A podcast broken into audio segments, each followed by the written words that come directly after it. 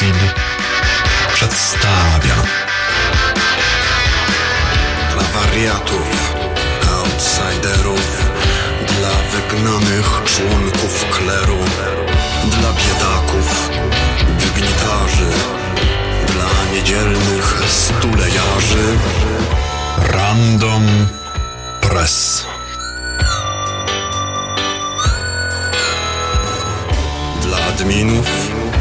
Programistów, agile'owych teamów 300 Dla DevOpsów, pentesterów, top-notchowych bug-hunterów Dla hakierek i hakierów, klożurystów i lisperów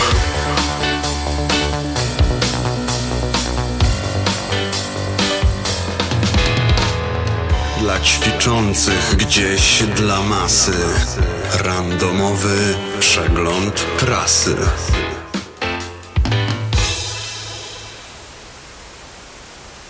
Witam serdecznie i trochę sennie. Jest 24 lutego 2019, a to jest zerowy odcinek podcastu Random Press. I zaczynamy od pierwszej ciekawostki. Nieśmiertelny Flash Player i mały skandal z dostawcą oprogramowania Microsoft. Okazuje się, że jeszcze kilka tygodni temu w przeglądarce Edge zaszyta była taka ukryta przed użytkownikami lista 58 stron internetowych, dla których nie stosowano zasady pytania o zgodę na uruchamianie Flash Playera. Warto tu przypomnieć, że jeszcze kilka czy kilkanaście lat temu Flash no, był jednym z najpopularniejszych, jeżeli nie najpopularniejszym pluginem wykorzystywanym przez twórców stron www w witrynach, aby dodać im interakcji. Wynikało to przede wszystkim z tego, że hmm, jak na tamte czasy specyfikacja HTML i mechanizmy wbudowane w przeglądarki no, nie dawały za dużego pola manewru e, tym, którzy chcieli wzbogacić witryny w jakieś elementy animacji, e, odtwarzania e, strumieni audio-wideo i tak dalej, i tak dalej. Sytuację ratuje tutaj firma Macromedia, twórca Flasha, który daje web deweloperom kompletny pakiet narzędzi służący do tego, aby mogli produkować interaktywne elementy stron. W roku 2005 Flash zostaje wchłonięty przez koncern Adobe, znany przede wszystkim z, ze standardu PDF i oprogramowania Reader. Adobe dziedziczy razem z Flash Playerem wszystkie usterki tegoż oprogramowania. Mm, wystarczy przypomnieć, że w lutym 2010 roku firma wystosowała list otwarty do użytkowników, w którym przepraszała za to, że nie usunięto z oprogramowania podatności na zagrożenia przez około rok czasu, a rok wcześniej okazuje się, że Flash Player był najczęściej atakowaną aplikacją kliencką przez cały rok. W tym samym czasie żyjący wtedy jeszcze Steve Jobs ogłasza, że jego najnowsze zabawki, takie jak iPhone, czy iPad, czy iPod Touch, nie będą obsługiwały flash playera, tłumacząc to między innymi usterkami bezpieczeństwa. Różne przeglądarki radziły sobie i radzą w różny sposób z tym bardzo podatnym na ataki oprogramowaniem. Niektóre przeglądarki w fabrycznej konfiguracji zabraniają w ogóle użytkowania flash playera. E, użytkownik może na własne ryzyko zainstalować dodatek i potem pozwolić na wczytywanie zawartości. W przypadku Edge'a jest tak, że użytkownik po pierwsze musi globalnie wyrazić taką chęć, że będzie korzystał z Flash Playera, mimo że on już tam jest, a następnie, gdy wczytywana jest zawartość, która wymaga do działania y, odtwarzacza Flash, każdorazowo musi wyrazić zgodę na to, żeby instancja wtyczki została uruchomiona. I tu ciekawa rzecz, którą odkrył Ivan Fraterik z zespołu Google Project Zero. Mianowicie zauważył on, że są takie witryny, dla których Edge pomija pytanie użytkownika o zgodę i ochoczo ładuje zdalną zawartość, a co ciekawe, niektóre z tych witryn nie, za, nie zabezpieczają transmisji protokołem HTTPS. No zrobił się mini skandal, jak to na linii Microsoft i Google i w ostatnim łatkowym wtorku opublikowano wersję przeglądarki Edge, która już nie podejmuje tej decyzji za użytkownika i możemy cieszyć się nieco zwiększonym bezpieczeństwem.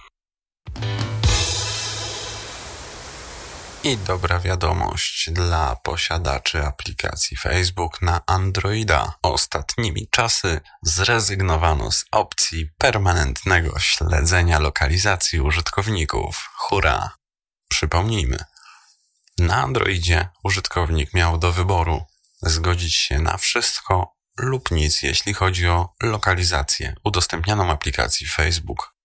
Facebook tłumaczył też, że wiedza ta jest mu potrzebna do zwalczania nadużyć.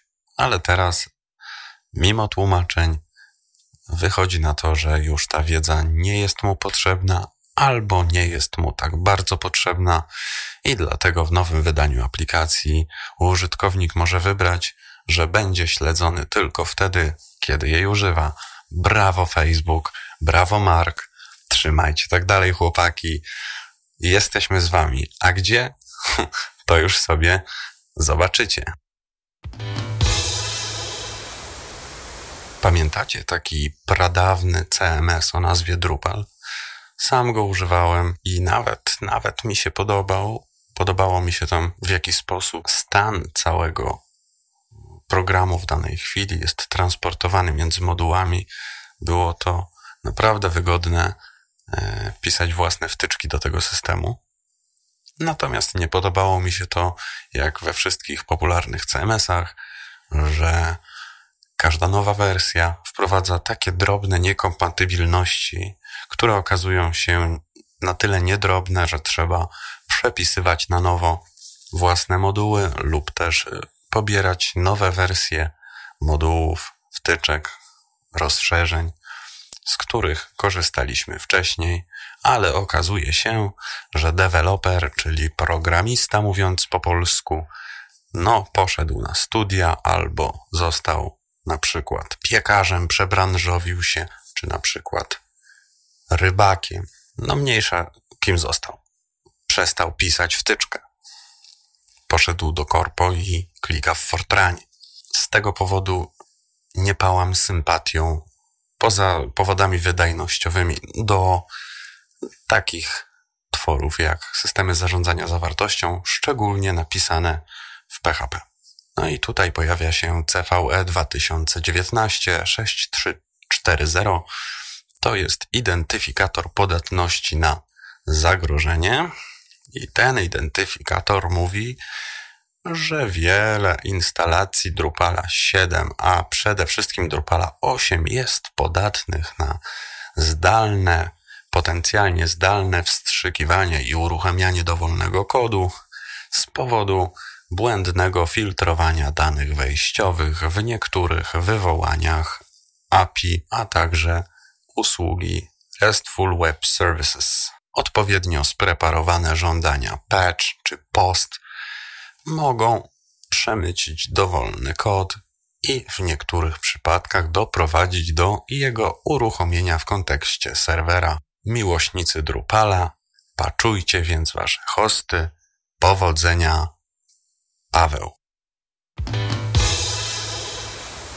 Kolejny news dla lubiących ploteczki ze świata wielkich graczy, prywatność, bezpieczeństwo, parlamenty i tak czyli sprawy, na które nie mamy za dużego bezpośredniego wpływu, ale kiedy nie mamy chęci, żeby pokodować czy obejrzeć ciekawy film, możemy przyłożyć naszą uwagę na kilka sekund i na przykład dowiedzieć się, cóż tam pisali zarządzający Facebookiem w wyciekniętych na GitHubie mailach, do których dotarły większe, szanujące się czasopisma. Pamiętamy zapewne incydent, w którym użytkownicy Facebooka nie wiedzieli, że niektóre z aplikacji na mocy jakichś specjalnych, niewyrażonych zbyt transparentnie umów, mają większy dostęp do ich prywatnych danych.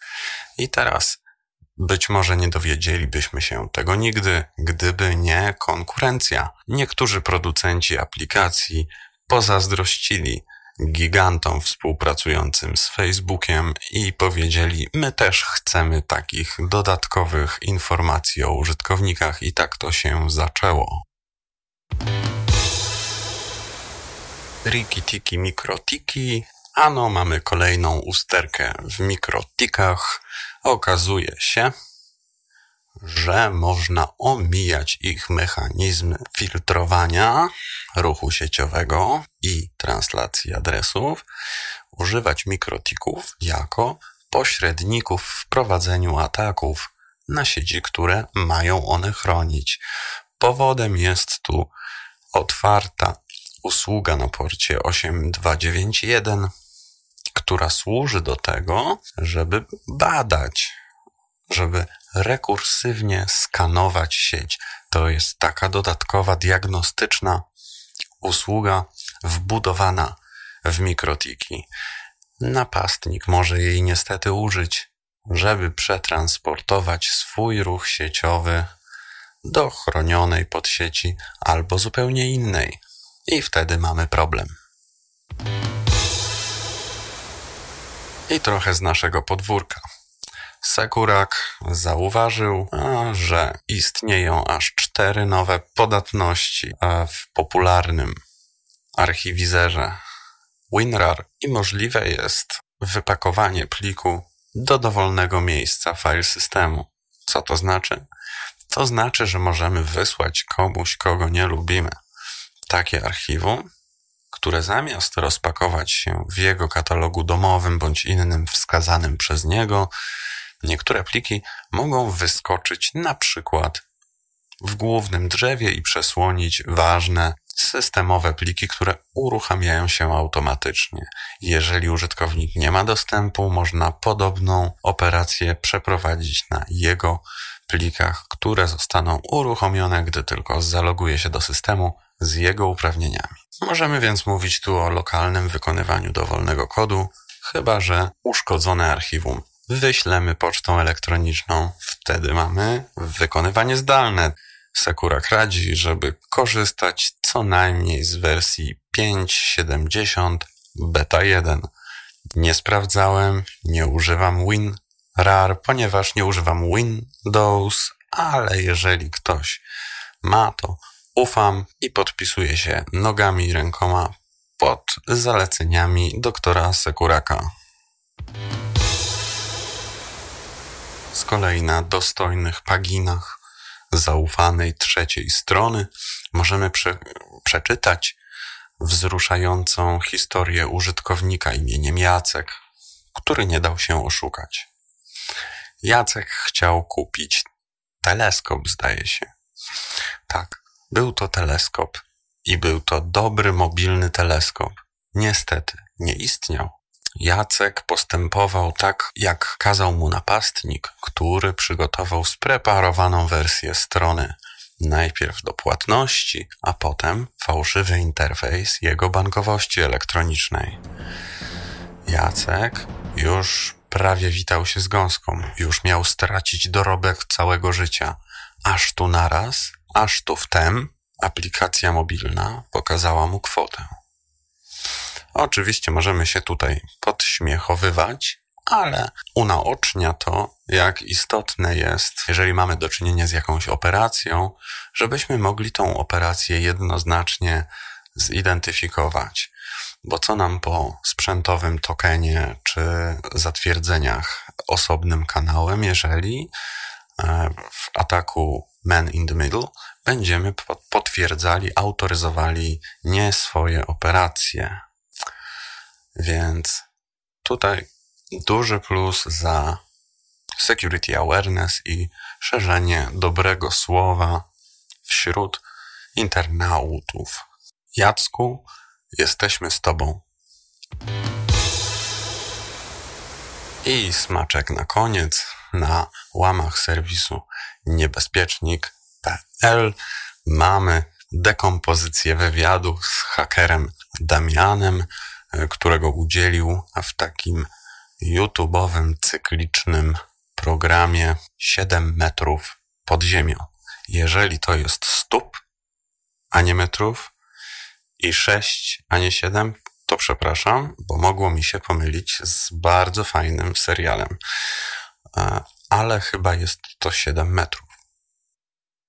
Treść godna polecenia, przede wszystkim z uwagi na poniedziałkowy efekt rozweselający, kiedy przychodzimy do biur lub też zostajemy w domu, a musimy coś zrobić i potrzebujemy poza kawą czegoś wesołego, co wystartowałoby nasze ścieżki dopaminowe, aby zaczęły funkcjonować troszkę lepiej, troszkę szybciej i wtedy czytamy sobie taki, taką dekompozycję, destrukturyzację tajemniczej persony w masce, która z niejednego procka MD5 jadła i możemy już z lubością witać dzień. To by było tyle. Dziękuję bardzo wszystkim, którzy mnie słuchali, życząc dobrego dnia albo dobrej nocy. I mam nadzieję, że usłyszymy się za tydzień, gdzie porozmawiamy sobie o jakichś nowinkach, tym razem ze świata programowania komputerów. Może jeden, dwa odnośniki do czegoś z IT Security podam. Mam nadzieję, że dobrze się tego słucha i do zobaczenia, do usłyszenia. Agile'owych teamów 300 Dla DevOpsów Pentesterów Top-notchowych Bug Hunterów. Dla hakierek i hakierów Klożurystów i lisperów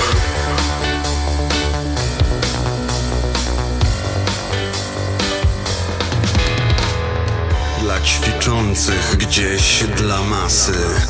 Randomowy przegląd prasy